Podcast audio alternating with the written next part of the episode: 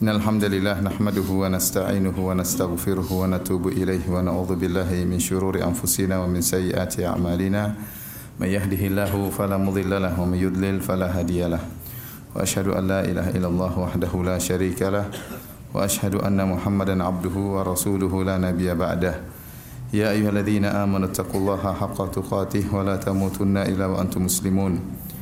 فإن أصدق الحديث كتاب الله وخير الهدى هدى محمد صلى الله عليه وسلم وشر الأمور محدثاتها وكل محدثة بدعة وكل بدعة ضلالة وكل ضلالة في النار Hadirin dan hadirat yang dirahmati oleh Allah Subhanahu wa taala, alhamdulillah puji dan syukur kita panjatkan kepada Allah Subhanahu wa taala yang dengan limpahan karunia dan nikmatnya kita bisa berkumpul di masjid yang mulia ini dalam rangka untuk menuntut ilmu. Semoga usaha kita ya apa yang kita lakukan hari ini dicatat sebagai pemberat timbangan kebajikan kita di akhirat kelak. Salawat dan salam tercurahkan selalu kepada junjungan kita Nabi Muhammad sallallahu alaihi wasallam juga kepada keluarganya serta seluruh sahabat beliau tanpa terkecuali. Pada kesempatan pagi hari ini kita akan membahas tentang uh, faedah-faedah yang bisa diambil dari kisah wafatnya paman Nabi uh, Abu Talib. Uh, yang kisah wafatnya Abu Talib adalah kisah yang masyhur yang terdapat dalam hadis-hadis yang sahih baik dalam sahih Al-Bukhari, sahih Muslim dan juga yang lainnya dan juga masyhur dalam buku-buku sirah Nabi sallallahu alaihi wasallam.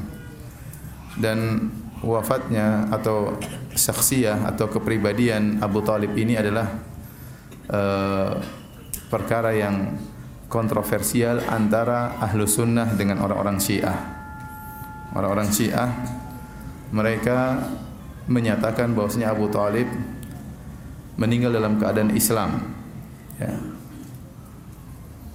Bahkan sebagian mereka seperti At-Tabatabai ya dalam tafsirnya mengatakan bahwasanya Abu Talib lebih berjasa daripada kaum muhajirin dan kaum ansar. Lebih afdal daripada kaum muhajirin dan kaum apa? Ansar. Apa rahasianya? Kenapa mereka berusaha untuk menyatakan Islamnya Abu Talib dalam rangka untuk mensucikan Bani Hashim bahwasanya Abu Talib adalah paman Nabi sallallahu alaihi wasallam dan Abu Talib bapaknya Ali bin Abi Talib.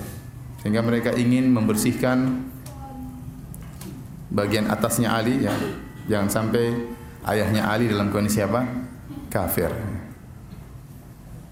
dan juga Abu Talib adalah dari keluarga Nabi Shallallahu Alaihi Wasallam sehingga mereka ingin menjaga kesucian keluarga Nabi Shallallahu Alaihi Wasallam jangan sampai tercoreng sama sekali. Tetapi hadis-hadis yang sahih dalam literatur literatur kaum muslimin bahwasanya Abu Talib meninggal dalam kondisi kafir. Adapun orang-orang Syiah yang berusaha menyatakan Islamnya Abu Talib maka mereka mendatangkan riwayat-riwayat yang dusta. Tidak ada riwayat-riwayat yang sahih tentang Islamnya uh, Abu Talib dan kenyataan menunjukkan bahwasanya Abu Talib uh, uh, apa namanya meninggal dalam kondisi kafir. Seandainya Abu Talib masuk Islam ya dan sudah mengakui kebenaran Nabi Shallallahu Alaihi Wasallam Islam sejak awal maka Abu Talib pasti akan dimusuhi oleh orang kafir Quraisy. Ternyata Abu Talib tidak dimusuhi oleh orang kafir Quraisy karena orang kafir Quraisy segan sama Abu Talib. Kenapa? Karena dia masih dalam kondisi apa? Kafir. Ya. Jadi orang-orang Syiah berusaha mengislamkan atau menyatakan Islamnya Abu Talib. Bahkan sebagian mereka menyatakan Abu Talib lebih afdal daripada kaum al-muhajirin dan kaum apa? Ansar. Dan ini pernyataan yang sangat berbahaya. Ya. Adapun menurut kita umat Islam, bahwasanya Abu Talib meninggal dalam kondisi kafir dalam kondisi musyrik dan ada hikmah-hikmah yang dipetik dari dibalik meninggalnya Abu Talib dalam kondisi uh, musyrik. Oleh karenanya uh, Ibnu Hajar rahimahullahu taala juga menukil dari Ibnu Taimiyah rahimahullahu taala. Jadi Ibnu Taimiyah punya buku yang masyhur membantah orang-orang Syiah yang judulnya Minhajus Sunnah An-Nabawiyah yang dicetak sekarang 9 jilid. Di situ beliau membantah seorang Rafidhah dan bantahannya sangat indah dan sangat luar biasa ya. Eh, buku yang sangat indah sehingga di diringkas oleh Az-Zahabi rahimahullahu taala Az-Zahabi ulama besar di mazhab Syafi'iyah meringkas buku Minhajus Sunnah Nabawiyah dan sebagian perkataan Ibnu Taimiyah dinukil oleh Ibnu Hajar dalam Fathul Bari. Dinukil oleh Ibnu Hajar dalam Fathul Bari dalam masalah ini. Dalam uh, masalah ini.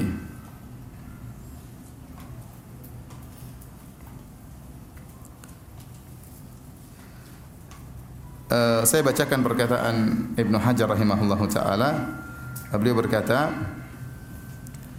uh, nama dari Abu Talib adalah Abdul Manaf. Abu Talib nama aslinya siapa? Abdul Manaf. Ya. Wasmuhu indal jami' Abdul Manaf. Ini kata Ibnu Hajar, penulis Fathul Bari dalam Fathul Bari. Dia berkata, dan nama Abu Talib menurut seluruh ulama adalah Abdul Manaf. Wa syadza man qala Imran dan telah nyeleneh orang yang mengatakan bahwasanya nama Abu Talib adalah Imran. Bal huwa qaulun batil. Adalah perkataan yang batil. Naqalahu Ibnu Taimiyah fi kitab Ar-Rad al-Rafidhi. Sebagaimana dinukil oleh Ibnu Taimiyah dalam kitabnya bantahan terhadap Ar-Rafidh. Itu kitab Minhajus Sunnah Nabawiyah.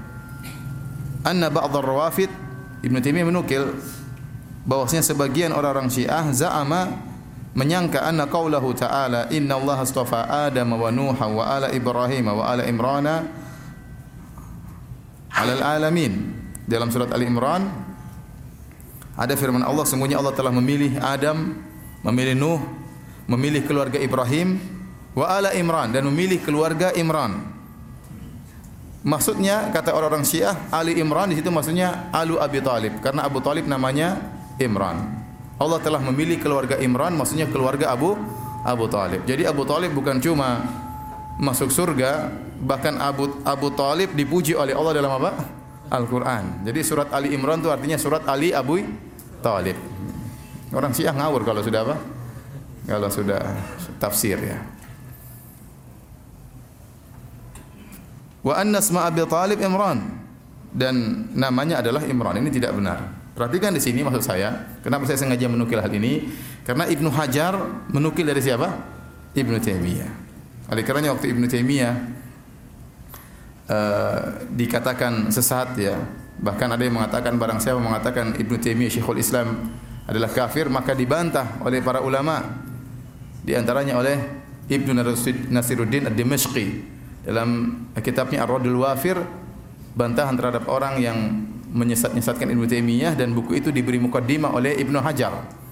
Di mana Ibnu Hajar memuji Ibnu Taimiyah dengan pujian yang sangat indah. Di antara perkataan Ibnu Hajar ya, kalau tidak ada kebaikan Ibnu Taimiyah kecuali muridnya Ibnu Qayyim, maka sudah cukup. Seandainya Ibnu Taimiyah tidak punya kebaikan apa pun kecuali punya murid namanya siapa? Ibnu Qayyim maka sudah cukup tentang keagungan Ibnu Taimiyah rahimahullahu taala. Bagaimana lagi dengan keluasan ilmunya. Jadi Ibnu Qayyim adalah salah satu kebaikan dari kebaikan Ibnu Taimiyah rahimahullahu taala. Jadi Ibnu Hajar aja menukil dari siapa? Ibnu Taimiyah. Kemudian datang orang sekarang mengatakan Ibnu Taimiyah sesat dan menyesatkan. Ya, ini orang dai seperti dai yang keblinger ya. Ya, tidak tahu diri, kemudian mengatakan Ibnu Taimiyah sesat dan menyesatkan. Wong Ibnu Taimiyah saja perkataannya dinukil oleh siapa? Ibnu Hajar Al-Asqalani rahimahullahu taala. Taib. Jadi maksud saya Abu Talib adalah tokoh yang kontroversial antara Syiah dan apa? Sunnah. Antara Syiah dan Ahlu Sunnah. Ahlu Sunnah menganggap Abu Talib di neraka, orang Syiah menganggap Abu Talib di mana? Di surga. Bahkan lebih baik daripada Abu Bakar dan Umar. Bahkan ada surat Ali Imran artinya surat apa? Alu Abi Talib. Karena nama Abu Talib siapa? Imran. Taib. Sekarang kita bacakan tentang kisah wafatnya Abu Talib sebagaimana termaktub dalam Sahih Al Bukhari dan juga dalam Sahih Muslim. Uh, diriwayatkan ya dari Ibn Shihab Az-Zuhri dia berkata akhbarani Sa'id Ibn Al-Musayyib an abihi dari Al-Musayyib bin Huzn qala atau bin bin Hazan ya qala lamma hadarat Abu Talibin al-wafatu ja'ahu Rasulullah sallallahu alaihi wasallam jadi yang meriwayatkan hadis ini adalah Al-Musayyib dan dia seorang sahabat radhiyallahu taala anhu. Dia bercerita tatkala Abu Talib telah datang kepadanya kematian, itu akan meninggal dunia. Ja'ahu Rasulullah sallallahu alaihi wasallam, maka Abu Talib dijenguk oleh ponakannya yaitu Rasulullah sallallahu alaihi wasallam.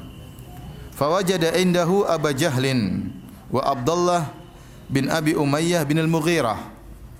Maka ternyata yang menjenguk Abu Talib lebih dahulu daripada Nabi ada dua orang yaitu Abu Jahal kemudian Abdullah bin Abi Umayyah bin Al-Mughirah. Dua orang dua orang kafir. Faqala Rasulullah sallallahu alaihi Rasulullah SAW sudah kedahuluan Abu Jahal dengan siapa? Abdullah ibn Abi Umayyah bin Al-Mughirah. Ya. Maka Rasulullah SAW menasihati pamannya.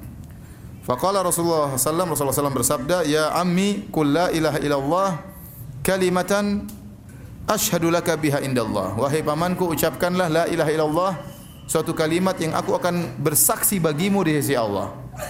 Dalam itu yang lain, uhajulaka indallah aku akan berhujjah berargumen di hadapan Allah untuk membelamu wahai pamanku ucapkanlah la aku akan berargumen dengan kalimat ini membelamu di hadapan Allah. Dalam riwayat yang lain ujadilu. Saya akan berjidal berdebat untuk membelamu wahai pamanku di hadapan Allah Subhanahu wa taala. Nabi mendakwai pamannya. Siapa tahu pamannya masuk Islam. Faqala Abu Jahlin wa Abdullah bin Abi Umayyah. Maka rupanya dua orang ini Abu Jahal dan Abdullah bin Umayyah, Abi Umayyah juga berdakwah. Mereka berkata, "Ya Abu Talib, wahai Abu Talib, atarghabu an millati Abdul Muttalib? Apakah kau benci dengan agama bapakmu Abdul Muttalib?" Falam yazal Rasulullah sallallahu alaihi wasallam ya'riduha alaihi. Rasulullah SAW mengulangi lagi kepada pamannya, "Wahai pamanku, ucapkan la ilaha illallah, suatu kalimat yang aku akan bela engkau di hadapan Allah." Wa yu'idu lahu tilkal maqalata. Dan Rasulullah SAW mengulangi lagi perkataan tersebut, mengulang-ulanginya. Hatta qala Abu Talib, akan tapi ternyata dua orang ini juga mengulang-ulangi. Nabi berdakwah, dia juga berdakwah. Nabi bersabda, Abu Jahal juga bersabda. Repot ya. Abu Jahal, lagi dua orang kan. Jadi Nabi kalah provokasi. Nabi satu, mereka berapa? Berdua. Ya. Hatta qala Abu Talib akhirah ma kallamahum sampai akhirnya apa yang dikatakan oleh Abu Talib terakhirnya huwa ala millati Abdul Muttalib. Dia berada di atas agamanya bapaknya Abdul Muttalib. Wa aba an yaqula la ilaha illallah. Dan dia enggan mengucapkan la ilaha illallah. Faqala Rasulullah sallallahu alaihi wasallam maka Rasulullah sallallahu berkata ama wallahi la astaghfiranna laka ma lam unha anka. Demi Allah ketahuilah demi Allah aku akan mohon ampunan bagimu wahai pamanku selama aku tidak dilarang untuk memohon ampunan bagimu. Fa anzalallahu azza wa jalla maka Allah turunkan firman-Nya, "Ma kana nabi walladzina amanu ay yastaghfiru lil musyrikin." Tidak pantas bagi nabi dan juga orang-orang beriman untuk mohon ampunan bagi orang-orang musyrikin walau kanu uli kurba. Meskipun orang-orang musyrikin tersebut adalah karib kerabat mereka. Min ba'di ma tabayyana lahum annahum ashabul jahim. Setelah jelas bagi mereka bahwasanya karib kerabat mereka itu adalah penghuni neraka jahanam. Wa anzalallahu ta'ala fi Abi Talib dan Allah menurunkan ayat khusus kepada Abu Talib. Ya. Faqala li Rasulillah sallallahu alaihi wasallam maka Allah berkata kepada Nabi sallallahu alaihi wasallam, "Innaka la tahdi man ahbabta." Kau tidak bisa beri hidayah petunjuk kepada orang yang kau cintai. Jadi Nabi sangat cinta kepada Abu Talib. Tapi kata Allah kau tidak bisa beri hidayah kepada Abu Talib.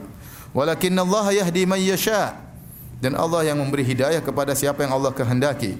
Wa huwa a'lamu bil muhtadin dan Allah lebih tahu tentang siapa orang-orang yang mendapat hidayah. Taib hadirin dan hadirat yang dirahmati oleh Allah Subhanahu wa taala, dalam riwayat yang lain dalam sahih Muslim eh, dari Abu Hurairah radhiyallahu taala anhu Rasulullah sallam qala qala Rasulullah sallallahu alaihi wasallam li ammihi Rasulullah sallam berkata kepada pamannya Qul la ilaha illallah ashhadu laka biha yaumal qiyamah. Wahai pamanku, ucapkanlah la ilaha illallah, aku akan bersaksi bagimu dengan kalimat ini pada hari kiamat kelak. Qal Abu Talib berkata, "Laula an tu'ayyirani Quraisyun." Saya ingin mengucapkan tapi saya takut akan saya dicela oleh orang-orang Quraisy. Yaqulun mereka berkata, "Innama hamalahu ala dzalikal jaza'u." La aqrartu biha ainak. Mereka akan berkata, sungguhnya Abu Talib itu mengucapkan la ilaha illallah karena rasa sakit yang dia rasakan. Dalam riwayat yang lain, ya, sebagian sebagian ulama mengatakan al jazau dalam sebagian ulama mengatakan al kharau yaitu karena dia lemah. Ya, karena dia lemah, maka dia mengucapkan la ilaha illallah, bukan karena dia dari qanaah dari apa namanya? dari karena sadar, karena ngerti, ya. Dia takut dicela oleh orang Quraisy. La aqrartu biha ainak. Seandainya saya tidak takut dicela orang Quraisy, saya akan mengucapkan la ilaha illallah dan akan menyenangkan hatimu wahai ponakanku. Jadi tidak mau mengucapkan. Ya. Fa anzalallah maka Allah turunkan firman-Nya, "Innaka la tahdi man ahbabta walakin Allah yahdi man yasha. Sungguhnya engkau wahai Muhammad tidak bisa beri petunjuk kepada orang yang kau cintai, tetapi Allah beri petunjuk kepada orang yang Allah kehendaki dan Allah lebih mengetahui siapa yang berhak mendapatkan petunjuk. Oleh karenanya di antara perkataan masyhur dari Abu Talib beliau berkata walaqad alimtu bi anna dina Muhammadin min khairi adyanil bariyati dina walaula al malamatu wa hidharu masabbatin wa hadharu masabbatin lawajadtani samhan bidzaka mubina. Kata beliau Abu Talib, sungguh aku telah mengetahui bahwasanya agamanya Muhammad adalah agama terbaik dari seluruh agama manusia. Jadi di di di jazirah Arab ada berbagai macam agama, ada agama Yahudi, ada agama Nasrani, ada agama musyrikin penyembah berhala, ya. Ada penyembah eh, bintang-bintang, ada penyembah malaikat, ya. Kata dia, saya telah mengetahui agama Muhammad, agama Muhammad ini adalah agama yang terbaik di antara agama-agama yang ada. Kalau bukan karena cercaan orang-orang Quraisy dan karena khawatir saya dicaci maki oleh mereka, la wajadtani samhan bidzaka mubina. Kau akan dapati aku akan menerima agama Islam dan akan terang-terangan mengatakan Islam, tapi saya takut di dicerca. Akhirnya Abu Talib meninggal dalam kondisi musyrik. Oleh karenanya telah datang hadis-hadis menunjukkan Abu Talib disiksa oleh Allah Subhanahu wa taala. Ya. Di antaranya dalam hadis dari Abu Sa'id Al-Khudri radhiyallahu taala anhu bahwasanya beliau mendengar Nabi SAW berkata tatkala disebutkan tentang pamannya Abu Talib maka Rasulullah SAW berkata la'allahu tanfa'uhu syafa'ati yaumal qiyamah fayuj'alu fi dhahdahin minan nar yablughu ka'baihi yaghli minhu dimaguhu. Kata Nabi, semoga syafaatku bermanfaat bagi pamanku pada hari kiamat kelak. Fayuj'alu fi dhahdahin minan nar. Maka dia akan diletakkan di dhahdah minan nar. Dhahdah itu semacam percikan kalau orang melewati misalnya apa namanya eh, kolam yang rendah ya dia melewati air yang ya, ya, ya, yang yang yang yang apa namanya tidak tidak dalam ya sehingga cuma airnya cuma mengenai kakinya atau mengenai apa? Percikannya cuma mengenai mata kakinya, kedua mata kakinya. Maka Rasulullah SAW mengatakan, yuj'alu fi dhahdahin minan nar. Maka dia akan diletakkan di neraka tapi dengan api yang sedikit saja yang hanya mengenai kakinya ya bulu ka'baihi. Api tersebut paling maksimal hanya sampai di kedua mata kaki Abu Talib. Yaghli minhu dimaguh akan tapi api yang sedikit tersebut membuat otaknya mendidih. Ya. Dan disebutkan dalam riwayat yang lain ahwanu ahli nar adzaban Abu Talib. Penghuni neraka jahanam yang paling ringan siksaannya adalah Abu Talib. Yang siksaan yang paling ringan tersebut hanyalah api yang mengenai kakinya tapi ternyata membuat otaknya apa? mendidih. Kemudian juga dalam hadis yang lain, Al Abbas bin Abdul Muttalib radhiyallahu anhu, Al Abbas pamannya Nabi sallallahu alaihi wasallam, saudaranya Abu Talib. Ya Rasulullah SAW punya paman yang banyak ya. Di antaranya Al Abbas, di antaranya Hamzah. Ada empat paman Nabi yang bertemu dengan Nabi waktu Nabi berdakwah. Di antaranya Al Abbas dan Hamzah, Abu Lahab dan Abu Talib. Ini empat paman Nabi sallallahu alaihi wasallam. Dua masuk Islam, dua kafir. Yang masuk Islam Al Abbas dan siapa? Hamzah. Hamzah meninggal dalam perang Uhud. Al Abbas uh, masih hidup setelah wafatnya Nabi sallallahu alaihi wasallam. Kemudian yang kafir Abu Lahab dan siapa Abu Abu Talib. Dua paman Nabi kafir, dua paman Nabi masuk Islam. Subhanallah. Paman Nabi yang kafir nama nama-namanya nama-nama musyrikin. Abu Lahab nama aslinya siapa? Abdul Uzza. Abdul Uzza. Oleh karenanya Allah mengatakan tabbat yada abi Lahab. Sebenarnya mengatakan ini di antara kenapa Allah tidak menyebutkan nama Abu Lahab padahal namanya Abdul Uzza karena Allah tidak ingin ada nama Abdul Uzza dalam Al-Qur'an. Ya, karena Abdul Uzza itu artinya hamba Al-Uzza. Bukan hamba Allah tapi hamba Al-Uzza dan Al-Uzza adalah salah satu berhala yang disembah oleh orang kafir musyrikin. Maka Allah hanya menyebutkan kunyahnya Abu Lahab. Padahal namanya bukan Abu Lahab, namanya siapa? Abdul Uzza. Makanya tabat tiada Abi Lahab. Ya. Dan Abu Lahab adalah paman Nabi yang paling keras menentang dakwah Nabi sallallahu alaihi wasallam. Dia yang pertama mencela Nabi sallallahu alaihi wasallam waktu Nabi sallallahu alaihi wasallam mengumpulkan kaum musyrikin dan Nabi naik di atas bukit Sofa. Kemudian Nabi sallallahu alaihi wasallam mengatakan kalau saya mengatakan bahwasanya di balik gunung ini ada pasukan perang yang akan menyerang kalian, haku hakun hal kuntum musaddiqiyya. Apa kalian akan membenarkan aku? Kata kaum Quraisy, "Ma jarrabna 'alaika kadiban." Kami tidak pernah tahu kau berdosa wahai Muhammad. "Ma jarrabna 'alaika illa sidqan." Yang kami tahu kau hanyalah orang yang jujur. Maka Nabi mengatakan, "Fa inni munziru lakum baina yaday adzabin syadid." Maka saya ingatkan kepada kalian, di hadapan kalian ada azab yang pedih kalau kalian tidak beriman kepada Allah. Maka yang pertama kali protes kepada Nabi pamannya Abu Lahab. Ya, dia mengatakan, mengatakan tabban laka ya Muhammad ali hadza jama'tana celaka engkau hai Muhammad apakah karena ini kau kumpulkan kami maka turunlah firman Allah Subhanahu wa taala tabbat yada abi lahab celaka kedua tangan Abu Abu Lahab. Jadi Abu Lahab ini paman Nabi kurang ajar ya. Dia istrinya anak-anaknya semua kurang ajar ya. dia uh, kurang ajar, istrinya juga apa? Allah sebutkan dalam Al-Qur'an wa mar'atu hammalatal hatab. Sama Allah sebutkan istrinya ya. Juga celaka, anak-anaknya juga apa? Celaka. Satu keluarga celaka semua, keluarga Abu Lahab ya. Oleh karenanya disebutkan putri-putri Nabi di antaranya dinikahi oleh putra-putranya Abu Lahab. Putri-putri Nabi dinikahi oleh putra-putranya siapa? Abu Lahab. Dan ini sebelum Nabi mendakwahkan dirinya sebagai seorang nabi. Tatkala Nabi berdakwah dia adalah seorang nabi, maka Abu Lahab dan orang-orang Quraisy menyuruh putra-putranya Abu Lahab untuk menceraikan putri-putri Nabi supaya Nabi dibuat sibuk dengan anak putri-putrinya yang sedih dicerai. Akhirnya diceraikan di antaranya Ruqayyah dan Ummu Kalsum. Diceraikan. Padahal uh, suami-suami mereka di antaranya adalah putra-putra siapa? Abu Lahab, ya. Abu Lahab meninggal dalam kondisi kafir. Yang satunya lagi Abu Talib. Abu Talib juga namanya Abdul Manaf. Namanya siapa? Abdul Manaf. Dan juga bukan nama Islami. Abdul Manaf, hambanya Manaf. Ya, dan dia juga meninggal dalam kondisi kafir. Adapun paman Nabi yang masuk Islam adalah Al Abbas dan Hamzah. Nama-nama Islami. Oleh karenanya sebenarnya mengatakan nama itu punya pengaruh. Nama itu punya apa? Pengaruh. Dan ini suatu bukan suatu kebetulan yang menakjubkan Abu Talib dan Abu Lahab nama-namanya bukan nama-nama Islami dan mereka mati dalam kondisi musyrik dan kafir. Ada Ibn Al-Abbas dan Hamzah nama-namanya Islami, maka mereka masuk Islam dengan hidayah dari Allah Subhanahu wa taala. Taib. Al-Abbas pamannya Nabi dan saudaranya Abu Talib. Maka Al-Abbas bertanya kepada Nabi, "Ma agnaita an ammika fa innahu kana yahutuka wa yaghdabu laka wahai Muhammad. Apa yang bisa kau bantu kepada pamanmu Abu Talib? Bukankah pamanmu Abu Talib dahulu yang membelamu? Dia marah untuk membelamu. Ya. Dia yahutuka yaitu dia yuraik dia memperhatikan engkau. Ya. Dan dia marah karena engkau. Maka Nabi mengatakan ada manfaatnya.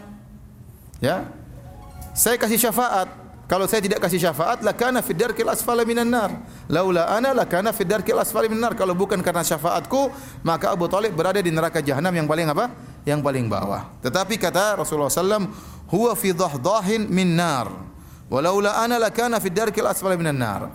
Dia berada di neraka yang bagian atas yang hanya mengenai kakinya saja, percikan-percikan api yang mengenai kakinya sampai ke kedua mata kakinya. Kalau bukan karena saya dia di neraka yang paling yang paling bawah ya. Itu pun sudah sangat menyiksa. Ya, jadi sebutkan memakai sendal terbuat dari api membuat otak mendidih. Ini semua adalah dalil menunjukkan bahwasanya Abu Talib meninggal dalam kondisi musyrik. Ya, Abu Talib meninggal dalam kondisi musyrik dan meninggal dalam kondisi kafir.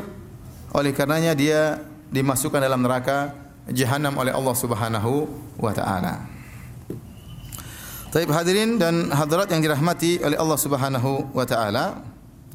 Uh, kita kembali kepada hadis ya. Dalam hadis Rasulullah SAW menyenguk pamannya Abu Talib yang dalam kondisi sakaratul maut. Ya. Ya. Dan ternyata sebelum Nabi datang sudah ada dua orang. Siapa? Abu Jahal dan Abdullah bin Abi Umayyah bin Al-Mughirah. Ibnu Hajar mengatakan wa yahtamil dan bisa jadi hadir orang ketiga yaitu Musayyab. Karena yang meriwayatkan hadis ini adalah namanya Musayyab. Ini seorang sahabat juga. Tapi dia tidak bercerita tentang kehadirannya. Dia tidak bercerita tentang kehadirannya. Dan Mus Abu Jahal, Abdullah bin Abi Umayyah bin Mughirah dan Musayyab bin Huzan seluruhnya dari Bani Makhzum. Dari Bani Makhzum, Al-Makhzumi. Dan Al-Makhzumi ini kabilah dari Quraisy. Kabilah dari Quraisy yang mereka bersaing dengan Bani Hashim. Bani Hashim itu adalah kabilahnya Nabi Muhammad sallallahu alaihi wasallam. Yang dua-duanya kembali kepada kabilah Quraisy. Kembali kepada kabilah Quraisy. Dan Bani Makhzum inilah kabilah yang paling bersaing dengan uh, kabilah Quraisy. Disebutkan dalam sebagian riwayat, kenapa Abu Jahal tidak mau beriman? Ya, padahal dia tahu kebenaran tentang Rasulullah sallallahu alaihi wasallam. Dia mengatakan dengan kesombongannya Abu Jahal ini dan dia dari Bani Makhzum, dia mengatakan uh, kalau kami bersaing dengan Bani Hashim, Bani Hashim berbuat baik kepada jemaah haji, kami Bani Makhzum juga berbuat baik kepada jemaah haji. Kami selalu berlomba dalam kemuliaan sehingga orang-orang mengetahui kemuliaan Bani Hashim sebagaimana kami Bani Makhzum juga diakui kemuliaan kami. Apakah tatkala dari Bani Hashim ada ngaku sebagai nabi? Nah, kalau begini kita pasti kalah. Jadi kalau Muhammad ngaku sebagai nabi, saya nggak mungkin ngaku sebagai nabi. Saya tidak punya mukjizat. Istilahnya Abu, Abu Jahal dia pintar. Dia bilang, sekarang tiba-tiba muncul dari Bani Hashim, kita selalu bersaing nih. Dalam kebaikan mereka beri makan kepada fakir miskin, kami beri makan kepada fakir miskin. Mereka beri bantuan kepada fakir miskin, kami Bani Makhzum juga beri bantuan kepada fakir miskin. Sehingga Bani Makhzum dan Bani Hashim bersaing. Sekarang tiba-tiba muncul dari Bani Hashim orang aku sebagai nabi. Wah, saya enggak mungkin ngaku sebagai apa? Nabi. Nabi Abu Jahal tidak punya apa? Tidak punya mukjizat. Oleh karenanya supaya kami tetap bersaing, saya tidak mau ngaku dia sebagai apa? Nabi. Itu sebabnya karena hasad. Jadi Abu Jahal tidak mau beriman kepada Nabi SAW karena apa? Karena hasad. Dan mereka sebaya antara Nabi SAW dengan Abu Abu Jahal. Abu Jahal ini sebelum datang Rasulullah SAW mendakwakan Islam, dia dijuluki oleh kaumnya dengan Abul Hakam. Itu orang yang pemberi keputusan atau orang yang bijak ya. Begitu dia tidak masuk Islam digelari oleh dengan apa? Abu Abu Jahal si goblok. Abu Jahal namanya apa? Si goblok. Jadi rupanya dia tidak masuk Islam gara-gara itu. Jadi mereka tiga dari Banu Banu Makhzum. Subhanallah, dua orang ini masuk Islam. Abu Jahal tewas dalam perang Badar, tewas ya. Sementara Abdullah bin Abi Umayyah bin Al-Mughirah Al-Makhzumi masuk Islam. Ada khilaf, ada yang mengatakan dia masuk Islam. Dia, dia termasuk orang-orang yang berbaiat Nabi di bawah pohon Ridwan tatkala tahun 6 Hijriah. Ada yang mengatakan dia masuk Islam tatkala Fatuh Makkah tahun 8 Hijriah. Padahal dia dahulu sangat kencang terhadap uh, kaum musyrikin. Di antaranya Al-Musayyib. Al-Musayyib juga masuk Islam. Sebenarnya hidayah ya. Dua orang masuk Islam, satu temannya masuk uh, masuk neraka ya.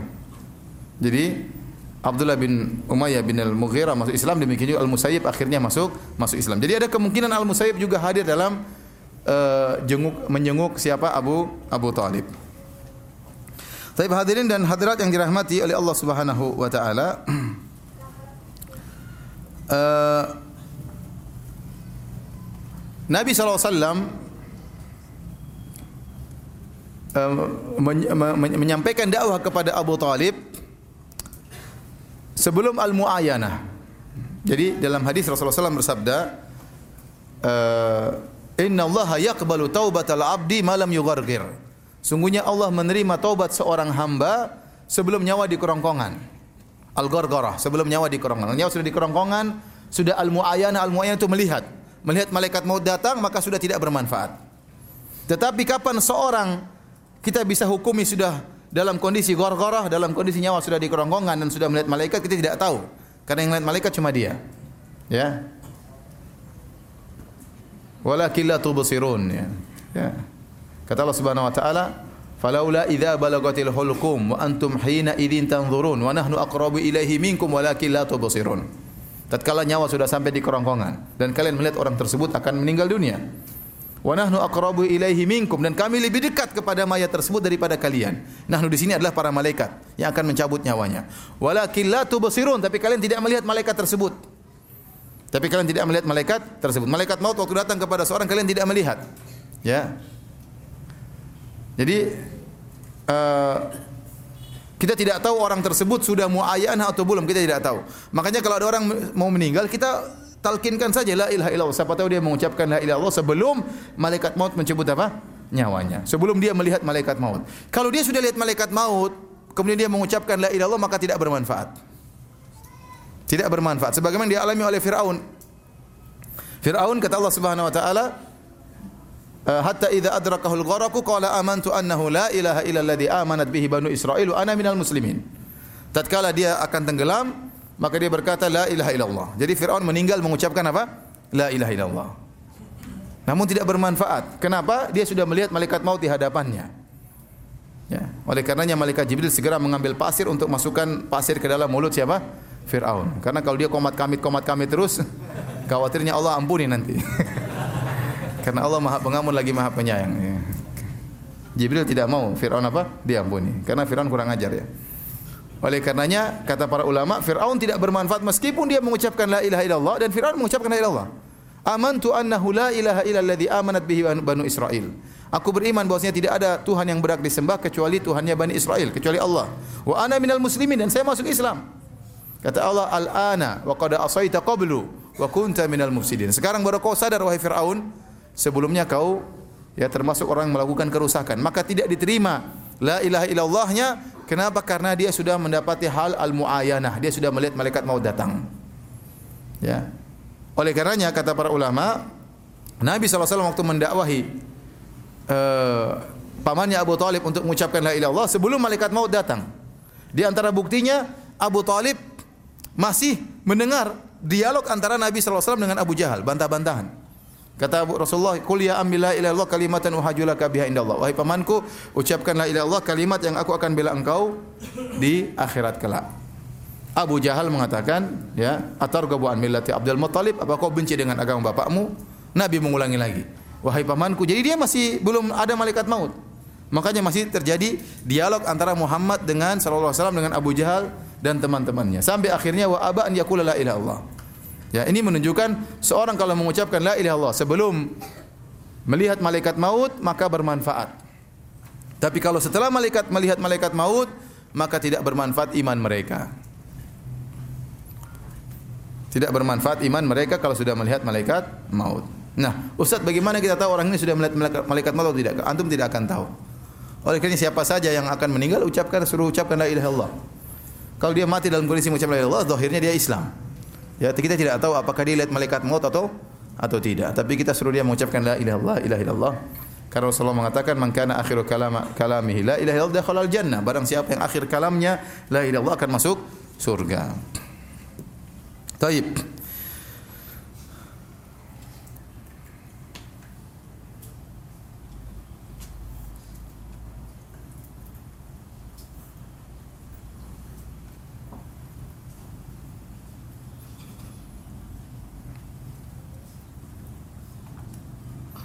Hadirin hadirat yang dirahmati Allah Subhanahu wa taala. Uh, ada beberapa hikmah yang kita bisa ambil dari uh, kisah wafatnya Abu Talib paman Nabi sallallahu alaihi wasallam. Yang pertama bahwasanya hidayah murni di tangan Allah Subhanahu wa taala. Hidayah ada dua. Kata para ulama yang pertama namanya hidayah taufik, hidayatul irsyad. Yang pertama hidayatul irsyad yaitu seorang memberi jalan menunjukkan jalan kebenaran, menjelaskan tentang jalan kebenaran. Seperti para ustadz, para dai, mereka juga punya hidayatul irsyad. Mereka berusaha menjelaskan tentang kebenaran. Dan yang paling top dalam hal ini adalah Nabi sallallahu alaihi wasallam. Kata Allah Subhanahu wa taala, "Wa innaka latahdi ila siratim mustaqim." Dan sungguh engkau benar-benar wahai Muhammad memberi petunjuk kepada jalan yang lurus. Yang paling afsah, yang paling lisannya fasih dalam menjelaskan kebenaran, yang paling ansah, yang paling memberi nasihat kepada umat dalam menyampaikan kebenaran, yang paling sabar, yang paling pintar Nabi sallallahu alaihi wasallam. Dalam masalah dakwah yang nomor satu Rasulullah sallallahu alaihi wasallam. Ya Rasulullah SAW yang paling lembut kepada paman, yang paling berusaha menyampaikan kebenaran kepada pamannya. Ya. Namun ternyata hidayah itu taufik jenis kedua, hidayah taufik itu seorang bisa menyambut hidayah tersebut itu hanya hak Allah Subhanahu wa taala. Ya. Nabi hanya bisa memberi petunjuk, memberi menjelaskan tentang jalan yang benar. Tapi yang membuat dia bisa menerima hidayah tersebut hanyalah Allah Subhanahu wa taala. Makanya Allah dalam ayat menetapkan hidayah bagi Nabi dan dalam ayat yang lain menafikan hidayah dari Nabi. Dalam ayat Allah mengatakan innaka latah wa innaka latahdi ila siratal mustaqim. Wahai Muhammad engkau benar-benar memberi petunjuk kepada jalan yang lurus. Maksudnya hidayah apa? Hidayat al-irsyad. Dalam ayat yang lain Allah menafikan dalam surat Al-Qasas. Innaka la tahdi man ahbabta. Kau tidak bisa beri petunjuk kepada orang yang kau cintai. Ini hidayah taufik. Jadi yang diberi ditetapkan oleh untuk Nabi adalah Nabi sangat pakar, sangat handal dalam menjelaskan kebenaran. Tetapi hidayah itu taufik itu seorang bisa menerima kebenaran hanyalah di tangan Allah Subhanahu wa taala.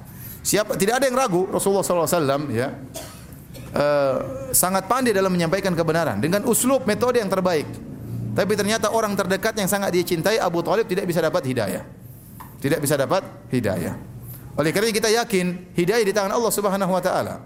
Makanya Rasulullah SAW bersabda dalam khutbah-khutbahnya, ya, "May yahdihillah fala mudhillalah." Barang siapa yang diberi petunjuk oleh Allah maka tidak ada yang bisa menyesatkannya. Wa may dan barang siapa disesatkan oleh Allah maka tidak ada yang bisa beri petunjuk baginya. Fala hadiyalah, ya. Ya. Wala yanfa'ukum nushi in aradtu an ansahakum in kana Allah yuridu ayyughiwakum.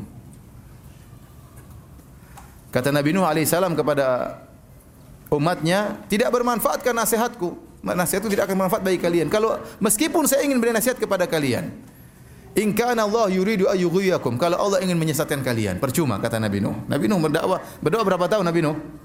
950 tahun. Alfa sanatin ila khamsina aman. 950 tahun. Dan dakwah Nabi Nuh luar biasa. Inni da'autu qaumi lailan wa nahara. Kata Nabi Nuh, aku mendakwahi kaumku siang dan malam. Walam yazidum du'ai illa firara. Semakin saya berdakwah mereka semakin kabur. Wa inni da'autum litaghfira lahum ja'alu asabi'ahum fi adhanihim wastaghshaw thiyabahum. Kalau saya dakwahi mereka kata Nabi Nuh alaihi salam, mereka memasukkan jari-jari mereka di telinga mereka. Antum bayangkan antum mau berdakwah, Ustaz mau dakwah, silakan Ustaz. Kurang ajar kok kaum Nabi Nuh. Ya. Nabi Nuh datang, mereka ambil kain tutup telinga mereka dengan kain tersebut. Tidak mau lihat Nabi Nuh. 950 tahun seperti itu. Ya. 950 tahun. Siang dan malam Nabi Nuh berdakwah. Wa asrartu lahum israra. Kemudian Nabi Nuh menggunakan metode dengan terang-terangan, dengan sembunyi-sembunyi. Semua metode digunakan 950 tahun. Tapi ternyata orang terdekatnya yang dia cintai tidak bisa dapat hidayah. Istrinya kafir, putranya juga apa? Kafir. Sampai di akhir lahzah, di akhir kesempatan, tatkala sudah turun hujan, kemudian air sudah keluar dari tanah, kemudian sudah ombak besar, Nabi Nuh masih mendakwahi putranya. Ya bunayyar ya bunayyar kam ma'ana wala takum al kafirin. Wahai putraku, naiklah ke atas kapal bersamaku. Jangan kau termasuk orang-orang yang kafir maka anaknya tetap aja ngeyel. Ya. Dia mengatakan aku akan sampai ke puncak gunung yang akan menyelamatkan aku. Akhirnya wahala bainahumal mauju fakana minal mughraqin. Akhirnya anaknya dibawa oleh uh, ombak kemudian mati. Jadi anak yang paling dia cintai pun tidak bisa dapat hidayah. Mau saya hidayah benar-benar murni di tangan Allah Subhanahu wa taala. Ya. Jangan tapi jangan salah paham sebenarnya orang mengatakan Ustaz istri saya saya suruh ngaji enggak mau. Hidayah di tangan Allah. Istrinya Nabi Nuh aja kafir. Istrinya Nabi Lut aja kafir, istri saya biarin. Tidak bukan begitu ya. Antum jangan berdalil dengan Nabi Nuh. Nabi Nuh dakwanya berapa tahun? 950 tahun. Ente baru dakwah cuma sekali-sekali, kemudian bilang istri saya tidak dapat hidayah kayak istri Nabi Nuh. Ya. Ya, ente tidak sabar seperti Nabi Nuh alaihissalam. Ya kecuali kalau ente sudah dakwah, sudah pelan-pelan, kemudian sudah kasih hadiah, tetap saja tidak mau ngaji, itu benar, itu hidayah di tangan Allah. Tapi baru sekali, kemudian sudah putus asa itu enggak benar. Ya, Nabi Nabi Nuh tidak putus asa 950 tahun. Baru kemudian Allah turunkan apa? Azab kepada mereka. Ini bukan kesabaran tingkat rendah. Ini kesabaran tingkat tinggi, super sabar 950 tahun dengan model audiens yang kurang ajar ya. Saya bisa bayangkan tadi. Ya, silakan Nabi Nuh mau berdakwah silakan. Innal hamdalillah tadi diginiin orang gimana enggak enak. Paling tidak enak. Saya bisa bayangkan beratnya Nabi Nuh alaihissalam. Demikian Nabi Nuh Nabi Lut alaihissalam istrinya kafir. Istrinya kafir. Jadi hidayah murni di tangan Allah Subhanahu wa. Tidak ada yang ragu tentang uh, kepandaian Nabi Nuh. Tidak ada yang ragu tentang kepandaian Nabi Lut. Tidak ada yang ragu tentang hikmahnya Nabi Muhammad dalam berdakwah. Tapi ternyata paman yang sangat dia cintai tidak bisa masuk Islam. Dan Rasulullah SAW sangat cinta kepada pamannya. Sampai Allah sebutkan, Innaka la tahdi man ahbabta. Kau tidak bisa beri petunjuk kepada orang yang kau cintai. Kenapa? Karena Abu Talib ini jasanya besar kepada Nabi SAW. Jadi Abdul Muttalib kakek Nabi. Ini Nabi SAW namanya Muhammad bin Abdullah bin Abdul Muttalib. Kemudian bin Hashim, bin Abdi Manaf, bin Qusay bin Kilab dan seterusnya. Ya, Nabi Muhammad SAW punya kakek namanya Abdul Muttalib. Abdul Muttalib punya beberapa istri. Dari istri-istrinya kemudian lahir anak-anak laki-laki. Ya. Kalau nggak salah ada 10 anak ya. Kemudian di antaranya yang satu istri adalah Abdullah dan Abu Talib. Hamzah dan Abbas dari ibu-ibu yang lain. Paham? Dari istri-istri yang lain. Jadi Abdul Muttalib kakek Nabi punya beberapa istri. Di antara istrinya punya anak dua yaitu Abdul Mut, uh, Abdullah sama siapa? Abu Abu Talib. Jadi Abu Talib ini adalah saudara kandung satu bapak dan satu ibu dengan Abu Talib. Makanya waktu Abdul Muttalib meninggal dunia, Abdul Muttalib mewasiatkan kepada Abu Talib untuk merawat Muhammad sallallahu alaihi wasallam. Karena Muhammad adalah keponakan dari saudara kandungnya Abdullah. Padahal ada paman-pamannya yang lain. Kenapa Abdul Muthalib tidak mengatakan kepada Abu Lahab untuk merawat Nabi? Karena Abu Lahab dari istri yang lain. Abu Lahab adalah anaknya Abdul Muthalib dari istri yang lain. Adapun Abu Talib dan Abdullah satu bapak dan satu satu ibu. Oleh karenanya waktu umur 8 tahun Abdul Muthalib meninggal kakeknya Nabi, maka kemudian dirawat oleh siapa? Nabi dirawat oleh Abu Talib. Oleh karenanya jasa Abu Talib sangat luar biasa. Jasa Abu Talib sangat luar biasa. Dari sini kita bisa ambil faedah yang kedua, hikmah yang kedua, bahwasanya orang kafir sebaik apa pun kalau dia tidak beriman kepada Allah Subhanahu wa taala, maka tetap di neraka jahanam. Tetap di neraka jahanam. Tidak ada yang bisa mengalahkan kebaikan Abu Talib. Abu Talib ini luar biasa baiknya. Ya. Dia rela mati untuk ponakannya. Dia rela mati untuk ponakannya.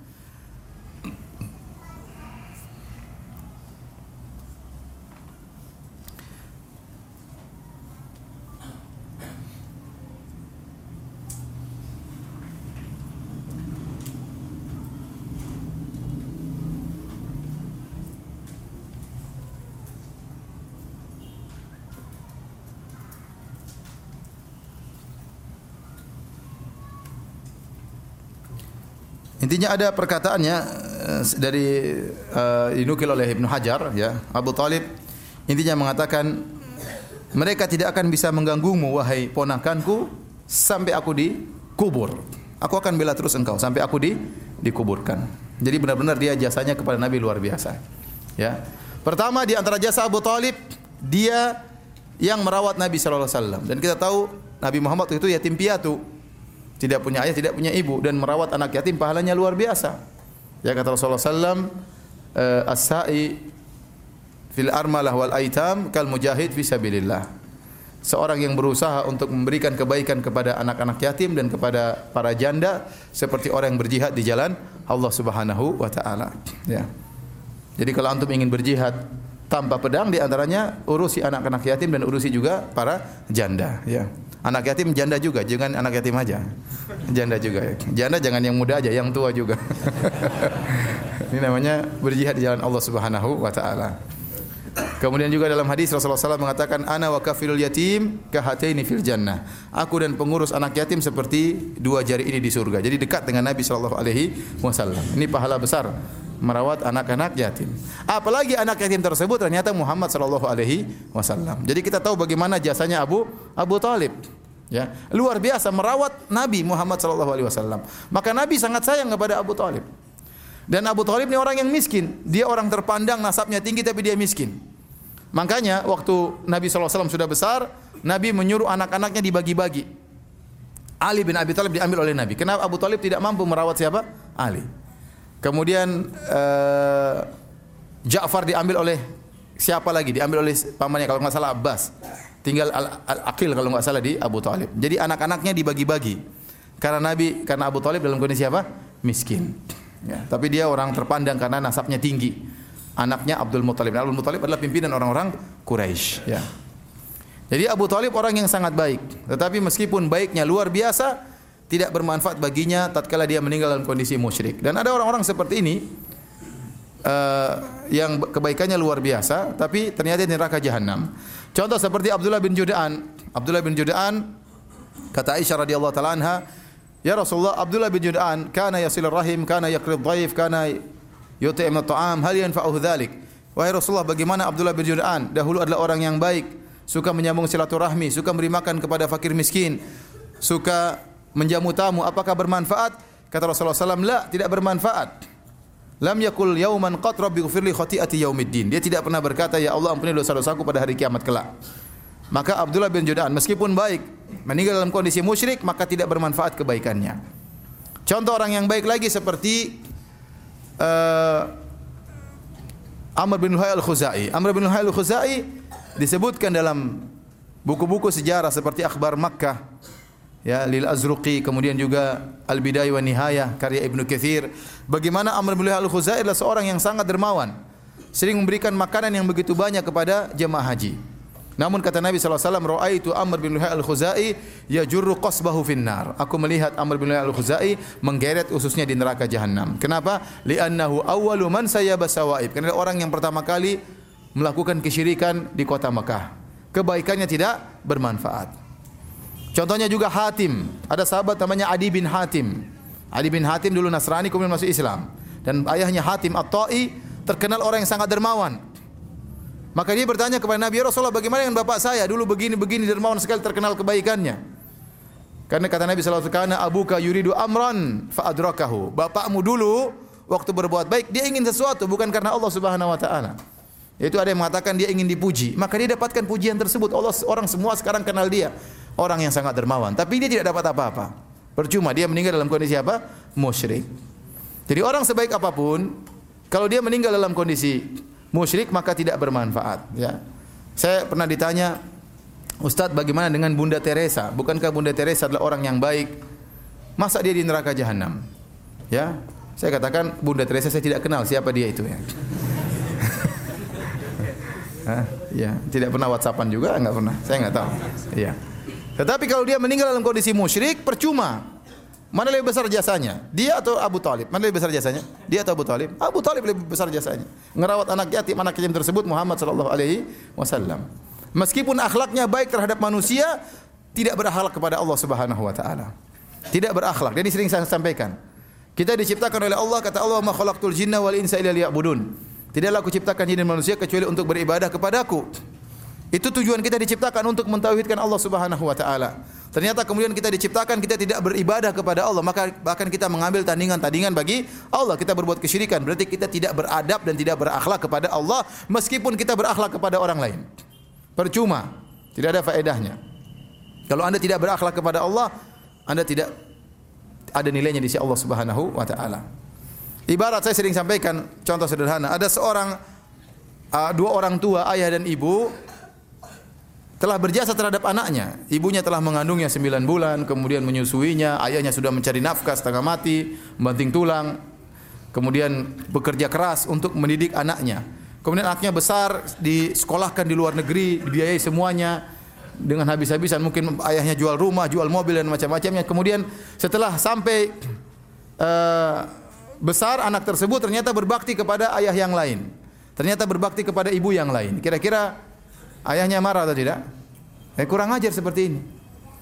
Sama, Allah Subhanahu wa taala sudah kasih, kasih kasih kita fasilitas, kasih pendengaran, penglihatan, akal pikiran, kasih rizki yang tiada henti-hentinya. Kemudian kita beribadah kepada selain Allah Subhanahu wa taala. Makanya dalam hadis Ibnu Mas'ud, Ibnu Mas'ud bertanya kepada Nabi sallallahu alaihi wasallam, "Ayu dzambi a'zam?" Ya Rasulullah, dosa apa yang paling besar? Maka Kata Nabi SAW, Anta ja'ala lillahi niddan wa huwa khalaqak. Engkau mengambil tandingan bagi Allah, yaitu kau menyembah kepada selain Allah, padahal yang ciptakan engkau cuma Allah Subhanahu wa taala. Tidak boleh seperti ini. Namanya tidak beradab. Kalau ada anak durhaka tidak beradab kepada orang tuanya, padahal yang kasih fasilitas orang tuanya.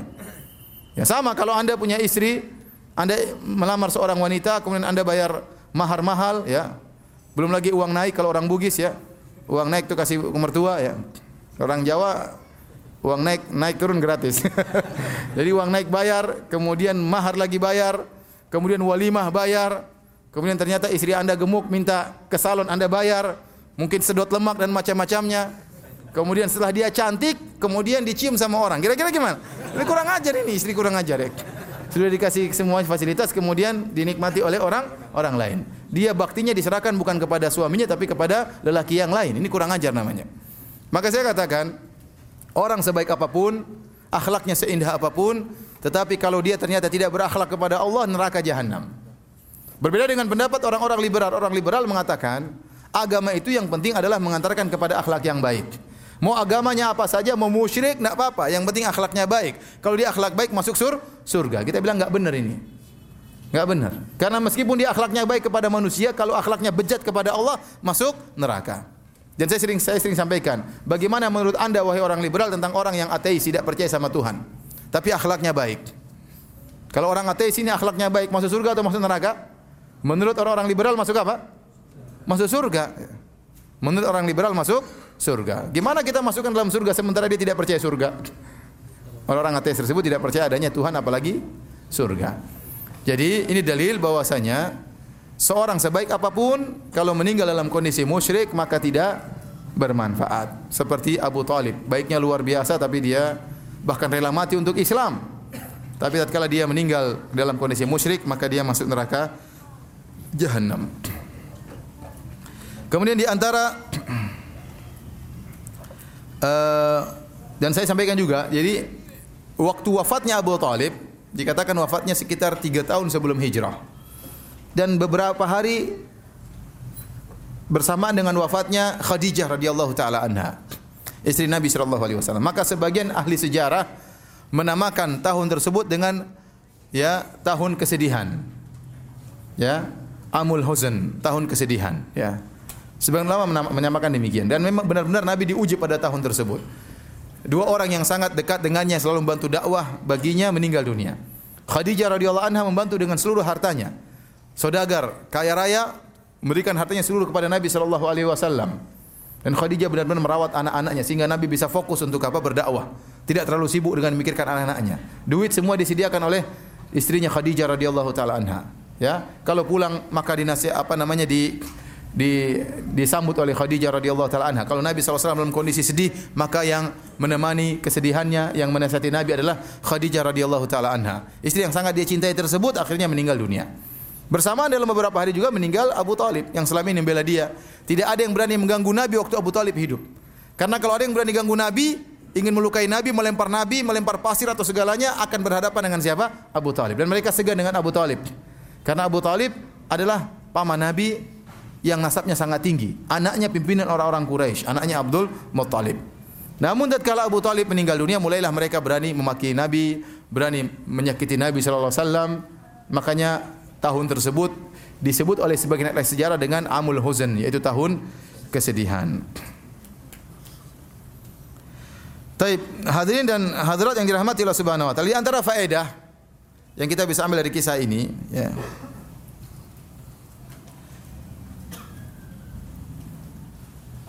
Bahwasanya eh, pengakuan tentang kebenaran tidak menjadikan seorang masuk Islam sampai diikuti dengan bukti. Bukti tersebut perkataan maupun apa? perbuatan.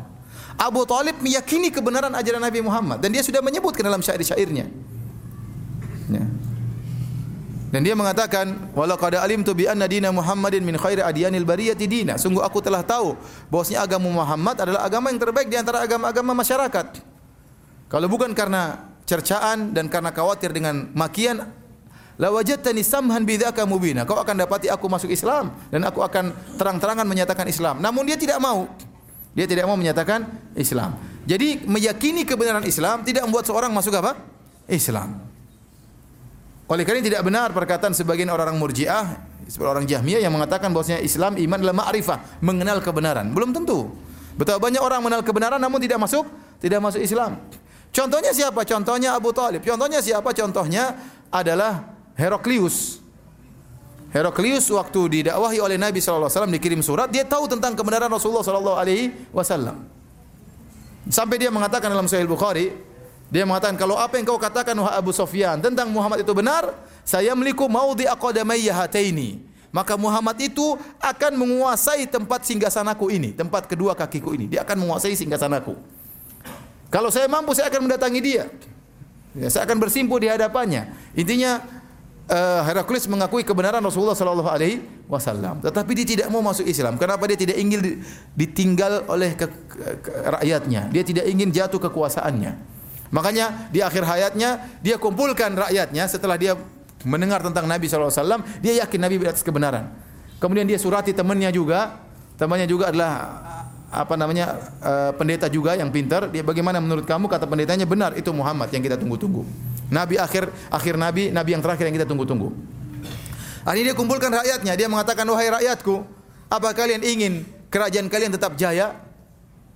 Kalau kalian ingin kerajaan kalian tetap jaya maka berimanlah kepada nabi ini. Ternyata rakyatnya semua berontak ingin kabur. Kata dia, "Enggak, balik balik balik. Saya cuma ngetes keimanan kalian." Ya. Ternyata iman kalian kokoh, ya. Kenapa dia takut ditinggalkan oleh rakyatnya? Akhirnya tidak mau tidak bisa masuk Islam.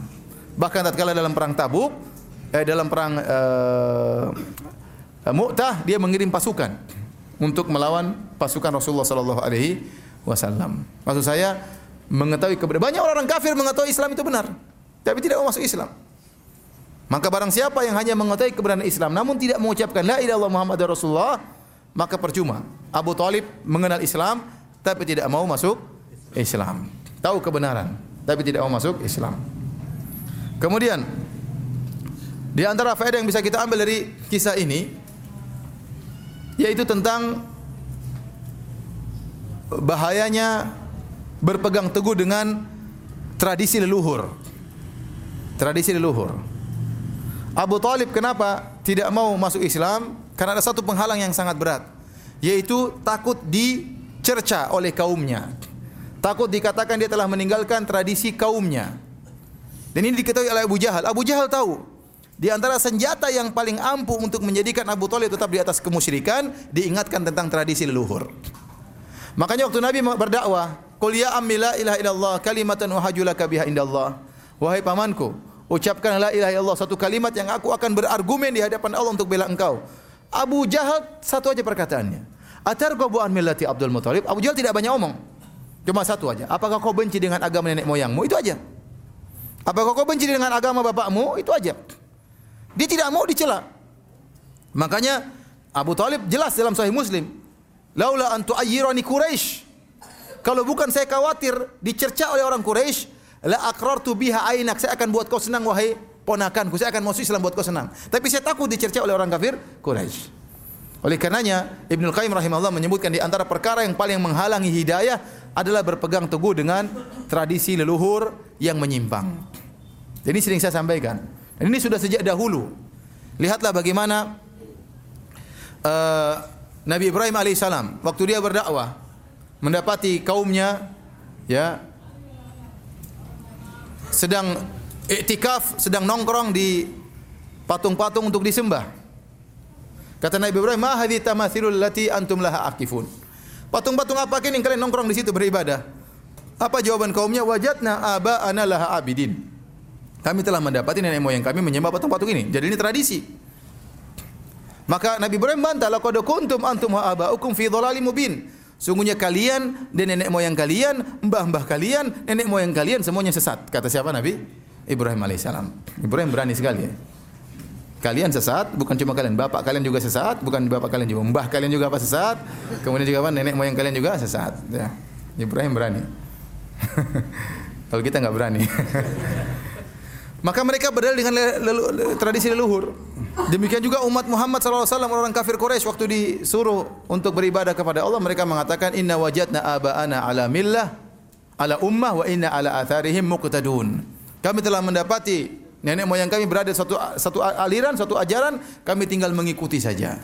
Dalam ayat yang lain wa inna ala atharihim muhtadun dan kami bisa dapat hidayah karena mengikuti ajaran nenek moyang kami. Itu bahaya mengikuti tradisi. Ya. Oleh karenanya Nabi wasallam di antara gelaran yang diberikan kepada Rasulullah SAW adalah Sobi. Sobi adalah orang yang keluar dari tradisi nenek moyang. Rasulullah SAW digelari dengan pendusta, digelari dengan kadzab, digelari dengan uh, penyihir, di, dikatakan mashur, orang tersihir, dikatakan majnun, orang gila, dikatakan syairun majnun, penyair gila. Di antara gelaran adalah Sobi, orang yang keluar dari tradisi nenek moyangnya. Makanya kalau ada orang masuk Islam dikatakan lokot sobauta. Kau sudah keluar dari nenek moyangmu, begitu. Kalau ada sahabat yang masuk Islam, langsung dijuluki oleh orang-orang kafir Quraisy, laqad sobauta, kau telah keluar dari tradisi nenek moyangmu. Ya, sementara orang tidak suka keluar dari tradisi nenek moyang. Orang keluar dari tradisi moyang akan jadi cercaan. Makanya berpegang dengan tradisi nenek moyang keliru ini perkara yang sangat berbahaya. Saya sering sampaikan bahwasanya di negara kita, negeri kita ada suatu daerah luar biasa. Daerah tersebut banyak ulama keluar dari daerah tersebut. Orang-orang top, agamanya hebat-hebat. Tetapi ada tradisi yang mereka tidak bisa rubah sampai sekarang. Yaitu bahwasanya kalau menikah yang bayar mahar apa? Perempuan. Yang pegang harta warisan juga apa? Perempuan. Nasab kembali kepada perempuan. Nasab kembali kepada perempuan. Ini tradisi yang salah atau benar? Salah. Tetapi tidak bisa berubah sampai detik ini. Tidak bisa berubah. Padahal banyak ulama dari situ. Kenapa? Karena padahal mereka orang Islam, mereka ngerti. Ini menyelisih ayat-ayat tentang warisan. Ini menyisi aturan Islam tentang masalah nasab. Nasab kok kepada ibu. Yang bayar mahar juga aturan semua salah. Tetapi tidak bisa berubah sampai sekarang. Kenapa? Masalahnya apa? Tradisi. Dan saya rasa tidak berani dai juga berkuar-kuar di sana. di sana mungkin tidak bisa lagi ke sana diusir. Makanya kenapa tradisi? Sementara di tanah air kita ada tradisi-tradisi yang maksiat, ada tradisi-tradisi yang syirik. Tradisi yang syirik dan banyak. Oleh karena seorang tradisi ini perkara yang berat. Ya, perkara yang yang berat. Dan tradisi kita ada yang baik alhamdulillah. Banyak tradisi kita yang baik. Tradisi yang baik dijaga. Tradisi yang buruk ditinggalkan. Islam datang untuk memfilter tradisi tersebut. Kalau tradisi tersebut benar maka diterima, kalau salah ditolak. Makanya Rasulullah SAW bersabda dalam hadisnya, Inna ma bu'ithu liutammima makarimal akhlak. Sungguhnya aku diutus untuk memperbaiki untuk menyempurnakan akhlak yang mulia. Kata para ulama, kenapa? Karena orang-orang Quraisy tradisi mereka ada yang baik. Tradisi mereka ada akhlak yang baik. Seperti apa? Mereka suka menjamu tamu, mereka jujur, berkorban demi sahabat. Ini tradisinya orang-orang kafir tatkala itu. Nabi disuruh untuk menyempurnakan tradisi itu. Jadi tradisi yang baik dijaga, tradisi yang buruk di, ditolak. Ya. Itulah fungsi dari syariat ya. Bukan sebaliknya, tradisi memfilter Islam. Lihat dulu Islamnya, cocok nggak dengan Nusantara? Kalau nggak cocok dibuang. Ini nggak benar seperti ini. Kebalik, Nusantara yang harus difilter oleh apa? Tradisi. Bukan tradisi yang memfilter apa? Syariat. Harusnya Nusantara yang difilter oleh syariat, bukan syariat difilter oleh Nusantara. Oleh karenanya eh, Abu Talib cuma satu sebabnya dia tidak mau masuk Islam gara-gara takut dicerca, gara-gara takut dikatakan keluar dari tradisi. Dan tradisi nenek moyang bukanlah dalil ya. Kalau kita jadikan tradisi nenek moyang sebagai dalil, maka tradisi nenek moyang yang mana? Orang Bugis punya nenek moyang, orang Jawa juga punya nenek moyang, orang Batak juga punya nenek moyang, orang Padang juga punya nenek moyang. Terus nenek moyang siapa mau dijadikan dalil? Antum-antum juga kelak jadi nenek moyang. orang Arab juga punya nenek moyang. Ya gara-gara ini Abu Talib tidak mau masuk Islam gara-gara bertahan dengan uh, tradisi. Kemudian di antara faedah yang bisa kita ambil para hadirin dan hadirat yang dirahmati oleh Allah Subhanahu wa taala, larangan untuk mohon ampunan bagi orang-orang yang meninggal dalam kondisi musyrik. Abu Talib meninggal dalam kondisi apa? Musyrik. Ya, sebelumnya ada faedah yang lain. Saya ingin menyampaikan bahwasanya tidak semua keturunan Nabi maksum. Pasti juga selamat dari dosa-dosa. Yang maksum cuma nabinya, paham? Cuma nabi yang maksum. Adapun keturunannya belum tentu. Keturunannya belum tentu. Para anbiya, para nabi mereka maksumin, terjaga dari kesalahan. Kalau salah mereka ditegur oleh Allah Subhanahu wa taala. Tetapi keturunannya tidak mesti maksum. Taib. Di antara dalilnya ini disampaikan oleh Syaukani rahimahullah dalam tafsirnya. Al-Imam Syaukani berkata, contoh Nabi Ibrahim alaihissalam.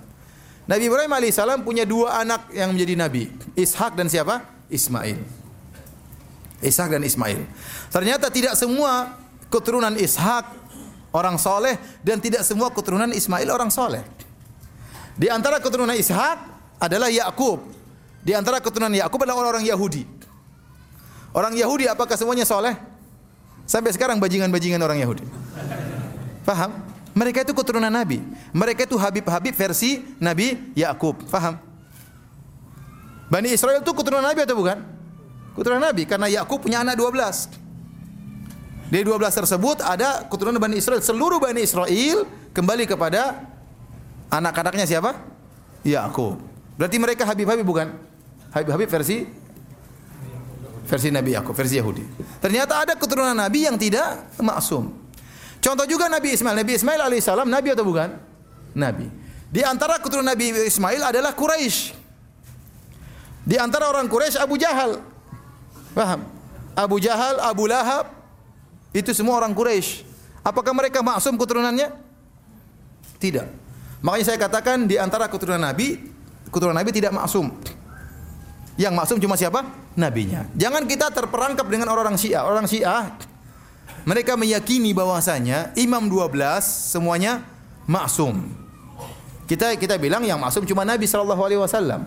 Makanya yang jadi dijadikan dalil dalam berdalil dalam syariat hanyalah hadis-hadis Nabi. Karena yang maksum cuma siapa? Nabi. Fatimah tidak maksum, Ali tidak maksum, yang maksum cuma Nabi sallallahu alaihi wasallam. Nah, mereka punya mereka punya keyakinan kata mereka tidak keturunan Nabi maksum di antaranya Imam 12. Tatkala Imam 12 ini maksum, makanya sumber hukum mereka bukan cuma hadis Nabi, tapi juga hadis imam-imam. Repot. Jadi agama ini belum sempurna, Imam 12 belum muncul. Imam 12 nanti muncul tatkala keluar Dajjal kata mereka. Imam 12 sudah sembunyi waktu umur masih lima tahun, sembunyi dalam gua Sirdap sekitar tahun 250-an Hijriah. Sampai sekarang belum nongol. Sudah berapa tahun? Sudah 1200 tahun belum nongol. Jadi umurnya lebih tua daripada Nabi Nabi Nuh alaihissalam. Ngapain tidak nongol-nongol ya? Saatnya sekarang nongol harusnya. Ya. Taib. Jadi mereka meyakini yang maksum bukan cuma Nabi, yang maksum adalah orang-orang? Imam-imam. Sebagian mereka mengatakan bukan cuma imam, keturunan imam juga maksum. Kita ini keturunan Nabi apa? Pasti masuk surga dan macam-macamnya. Sebagian mereka demikian. Oleh karenanya akidah ini juga diadopsi oleh sebagian orang sufi dengan mengatakan kalau ada orang yang sudah mencapai tingkatan hakikat sudah wali itu harus maksum kata mereka. Di antara syarat wali harus apa? Maksum, tidak boleh salah. Ini mereka praktekkan. Jadi kalau ada wali gila, wali sinting dikatakan apa? Maksum. Kamu saja yang tidak paham katanya. Iya. Ada wali begini, wali telanjang, wali minum bir katanya itu dia maksum. Ya, dia tidak mungkin salah. Wali nggak boleh salah. Kalau wali bilang langit itu merah, saya akan mengatakan langit itu apa? Merah. Ini syubhatnya dari orang Syiah. Padahal kita tahu bahwasanya keturunan Nabi tidak semuanya apa? Maksum. Buktinya keturunan Nabi Ishak, Nabi Yakub, keturunannya ada orang Yahudi yang brengsek dan bangsat dan keturunan Nabi Ismail juga ada yang menjadi Abu Jahal dan Abu Lahab. Paham? Di antaranya Abu Talib. Dan Abu Talib, Abu Talib juga keturunan Nabi Ismail. Bahkan satu keluarga satu rumpun dengan Nabi Muhammad sallallahu alaihi wasallam. Dari sini kita tahu bahwasanya keturunan Nabi tidak semuanya masuk. Oleh karena kita ketahui Habib-habib pun demikian. Ada Habib-habib yang sunnah, ada Habib yang syiah. Ada Habib-habib yang apa? Syiah. Ya. Padahal semuanya kontradiktif. Ada Habib yang sufi. Ya.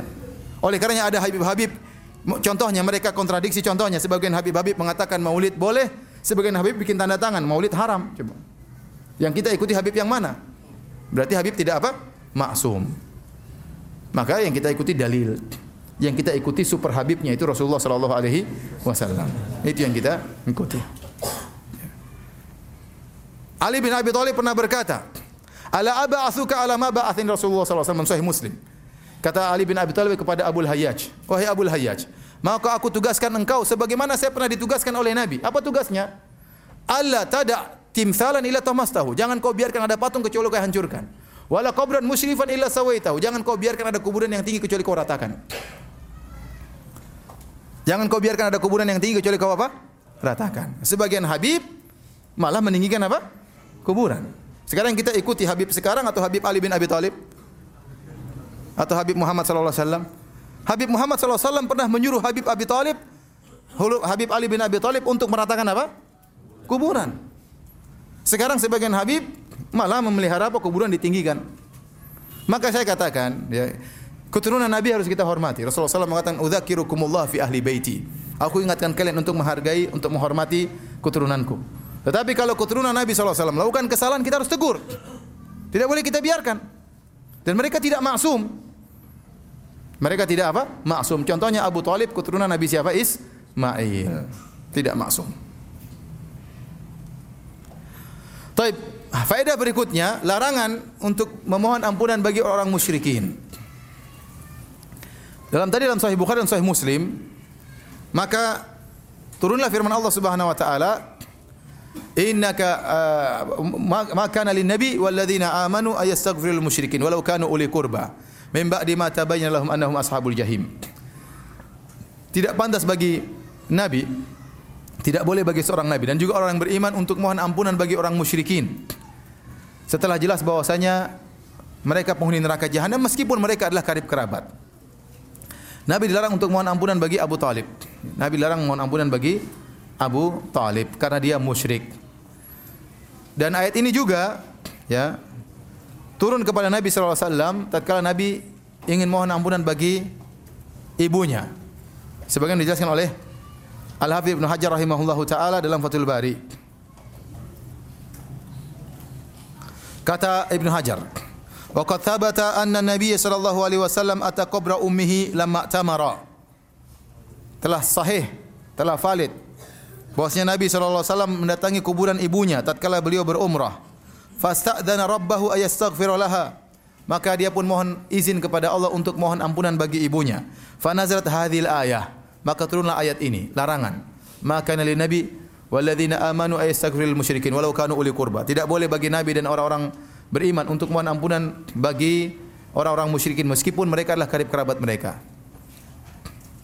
Hadis tersebut yang diisyaratkan oleh Ibnu Hajar terdapat dalam Sahih Muslim. Saya bacakan ya. Dari Abu Hurairah radhiyallahu taala anhu, qala zara Nabi sallallahu alaihi wasallam qabra ummihi. Nabi sallallahu alaihi wasallam menziarahi kuburan ibunya. Fabaka, kemudian Nabi menangis. Wa abka man haulahu. Kemudian Nabi membuat para sahabat juga menangis saat kala itu. Faqala, kemudian Rasulullah SAW berkata, Ista'dhantu Rabbi fi an yastaghfira an astaghfira. Aku mohon izin kepada Allah untuk memohon ampunan bagi ibuku. Falam ya'dhan falam yu'dhan li dan tidak diizinkan bagiku. Wa sta'dhantuhu fi an azura qabraha. Dan aku minta izin untuk menziarahi kuburannya. Fa udzinali maka diizinkan bagiku. Kemudian kata Nabi, "Fazurul kubur fa innaha tudzakirukumul maut." Ziarahilah kuburan karena itu akan mengingatkan kalian kepada kematian. Oleh karenanya para ulama jumhur ulama, ulama Syafi'iyah dan ulama yang lain, di antaranya Nawawi, ya, rahimahullahu taala, semua sepakat bahwasanya ibu Nabi sallallahu alaihi wasallam meninggal dalam kondisi apa? Musyrik. Hanya sebagian segelintir ulama yang belakangan mengatakan ibu Nabi meninggal dalam kondisi Islam. Seperti Suyuti rahimahullahu taala yang kalau tidak salah di abad ke-9 atau abad ke-10. Adapun ulama-ulama sebelumnya, An-Nawawi abad ke-6, kemudian Ibnu Katsir Az-Zahabi, para syurahul hadis semuanya berpendapat bahwasanya ibu Nabi meninggal dalam kondisi apa? Musyrik karena mereka mensahihkan hadis ini. Hadis ini tidak bisa ditakwil. Ya. Maka aneh kalau ada sebagian orang kemudian ya mencela orang yang mengatakan ibu Nabi meninggal dalam kondisi musyrik. Kita bukan bahan kajian kita, tidak. Tapi kalau pas kita lewat kita jelaskan. Ngapain juga tiap hari kita bilang ibu Nabi di neraka, ibu Nabi di neraka? Ya ngapain? Tapi kalau pas kita lewat kajian tersebut, bahasa ini kita jelasin. Dan ada hikmah di balik itu semua, ya. Ya. Jangan sebaliknya malah ya mencela orang yang mengatakan ibu Nabi meninggal dalam kondisi musyrik, ya, dengan turun yang tidak-tidak, ya menyakiti Nabi lah, tidak menghargai Nabi lah, ya macam-macam lah, ya mulut kotor dan macam-macamnya. Para ulama yang mengatakan demikian. Para ulama yang mengatakan demikian. Ya, saya hanya menukil perkataan para ulama, bahkan jumhur ulama. Bahkan jumhur apa? Mayoritas apa? Ulama Syafi'iyah. Mayoritas ulama Syafi'iyah. Bahkan sebagian ulama mengatakan ijma. Ijma ulama mengatakan bahwasanya ibu Nabi meninggal dalam kondisi musyrik. Adapun Suyuti datang belakangan tidak bisa menyelisih ijma. Ijma telah terjadi ijma sebelumnya. Kenapa saking banyaknya ulama yang mengatakan demikian? Di antaranya Nawawi rahimahullahu taala. Dan Nawawi adalah ulama besar dalam madhab Syafi'iyah. Bahkan dikatakan muhakkikul madhab, orang yang paling pakar tentang madhab Syafi'iyah di antaranya siapa? Imam Nawawi rahimahullahu taala. Jadi uh, ini larangan untuk mohon ampun bagi orang-orang yang meninggal dalam kondisi musyrik. Termasuk Nabi SAW ditegur. Termasuk Rasulullah SAW ditegur oleh Allah Subhanahu uh, wa taala karena dia pernah mohon ampunan bagi uh, ibunya. Kemudian juga dalam hadis yang lain uh, dari Ali bin Abi Thalib beliau berkata Sami'tu rajulan yastaghfiru li abawayhi wa huma musyrikani.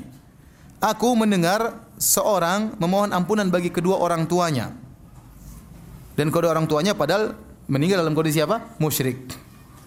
Fakultu lahu, atastaghfiru li abawayka wa huma musyrikan? Apakah kau memohon ampunan bagi kedua orang tuamu padahal mereka berdua dalam kondisi musyrik? Maka orang ini berdalil, awalaysa astaghfara Ibrahim li abihi wa huwa musyrik? Bukankah Ibrahim pernah mohon ampunan bagi ayahnya dalam kondisi musyrik? Dan memang Nabi Ibrahim pernah mohon ampunan bagi ayahnya, kemudian Allah tegur. Akhirnya tidak boleh lagi. Ya, Wa ma kana Ibrahim li abihi illa an mau'idatin wa adaha iyyah. Ya, karena ada janji, ya, tapi setelah itu falamma tabayyana annahu aduwwu lillah tabarra'a min. Tatkala Ibrahim tahu bahwasanya ayahnya adalah musuh dari Allah, maka dia pun berlepas diri daripada ayahnya. Jadi Ibrahim memang pernah mohon ampunan. Kata Ali bin Abi Thalib, Fadzakartu dzalika li Nabi sallallahu alaihi wasallam. Maka saya pun sebutkan hal ini kepada Nabi. Ada orang mohon ampunan bagi kedua orang tuanya, padahal orang tuanya apa? Mush, musyrik. Maka turunlah firman Allah, "Ma kana nabi walladzina amanu ayastaghfiru lil musyrikin walau kanu uli qurba." Tidak pantas bagi nabi orang beriman untuk mohon ampunan bagi orang musyrikin kalau mereka meninggal dalam kondisi musyrik. Jadi ditegur. Ini semua dalil bahwasanya tidak boleh mohon ampunan bagi orang meninggal dalam kondisi musyrik. Adapun menziarahi boleh. Orang tua misalnya ada orang tua meninggal dalam kondisi kafir, kita ziarahi boleh. Nabi SAW menziarahi apa? Ibunya. Rasulullah SAW menangis. Para ulama menjelaskan kenapa Rasulullah SAW sedih.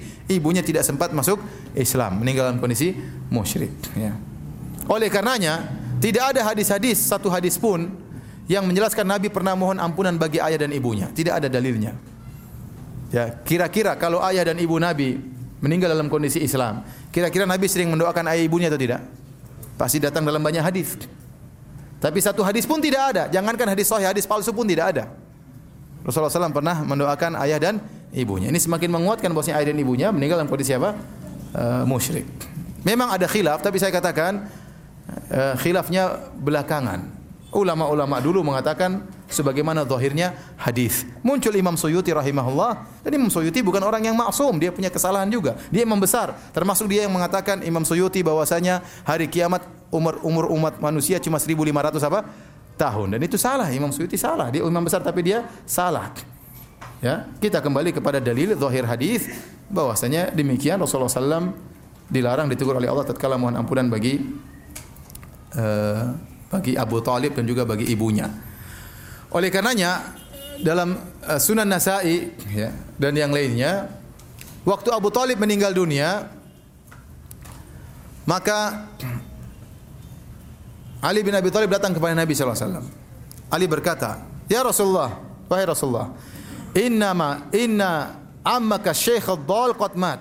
Perhatian, perhatian perkataan Ali. Padahal ini bapaknya sendiri. Jadi Ali berbicara tentang bapaknya Abu Talib. Dia mengatakan, Wahai Rasulullah, pamanmu, yaitu Abu Talib, Asy-Syeikh orang yang tua yang sesat, sudah mati. yang bilang itu siapa? Anaknya sendiri. Kata Rasulullah SAW, Idhab fawari. Sana pergi kubur dia. Kata Rasul, kata Ali bin Abi Thalib, "La wari, saya tidak mau menguburkan bapakku. Innahu mata musyrikan." Sungguhnya dia meninggal dalam kondisi apa? Musyrik. Kata Rasulullah SAW, idhab fawari, pergilah kau dan kuburkanlah. Meskipun seorang meninggal dalam kondisi musyrik harus dikubur. Ya. Maka akhirnya, fadhab, fadhahabtu fawaraituhu. Maka saya pun pergi dan saya pun menguburkan bapakku. Ya. Tapi hadirin dan hadirat yang dirahmati Allah Subhanahu Wa Taala, uh, sampai di sini saja mungkin kajian kita tentang masalah hikmah dari uh, kematian atau wafatnya Abu Talib. Ini dalil bahwasanya seorang harus banyak meminta petunjuk kepada Allah Subhanahu wa taala. Kedekatannya, kedekatan seorang dengan ulama, kedekatan seorang dengan ustaz, ya kerabat dia dengan ustaz, dengan ulama tidak ada jaminan. Tidak ada jaminan sama sekali.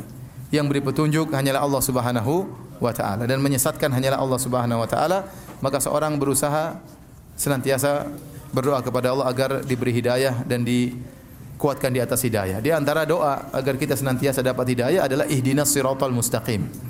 Ihdinas siratal mustaqim Ya Allah tunjukkanlah aku kepada jalan yang lurus. Artinya apa? Kalau aku sudah ada, aku belum berada, belum belum berada di atas jalan yang lurus, ya Allah, tunjukkanlah aku jalan yang lurus.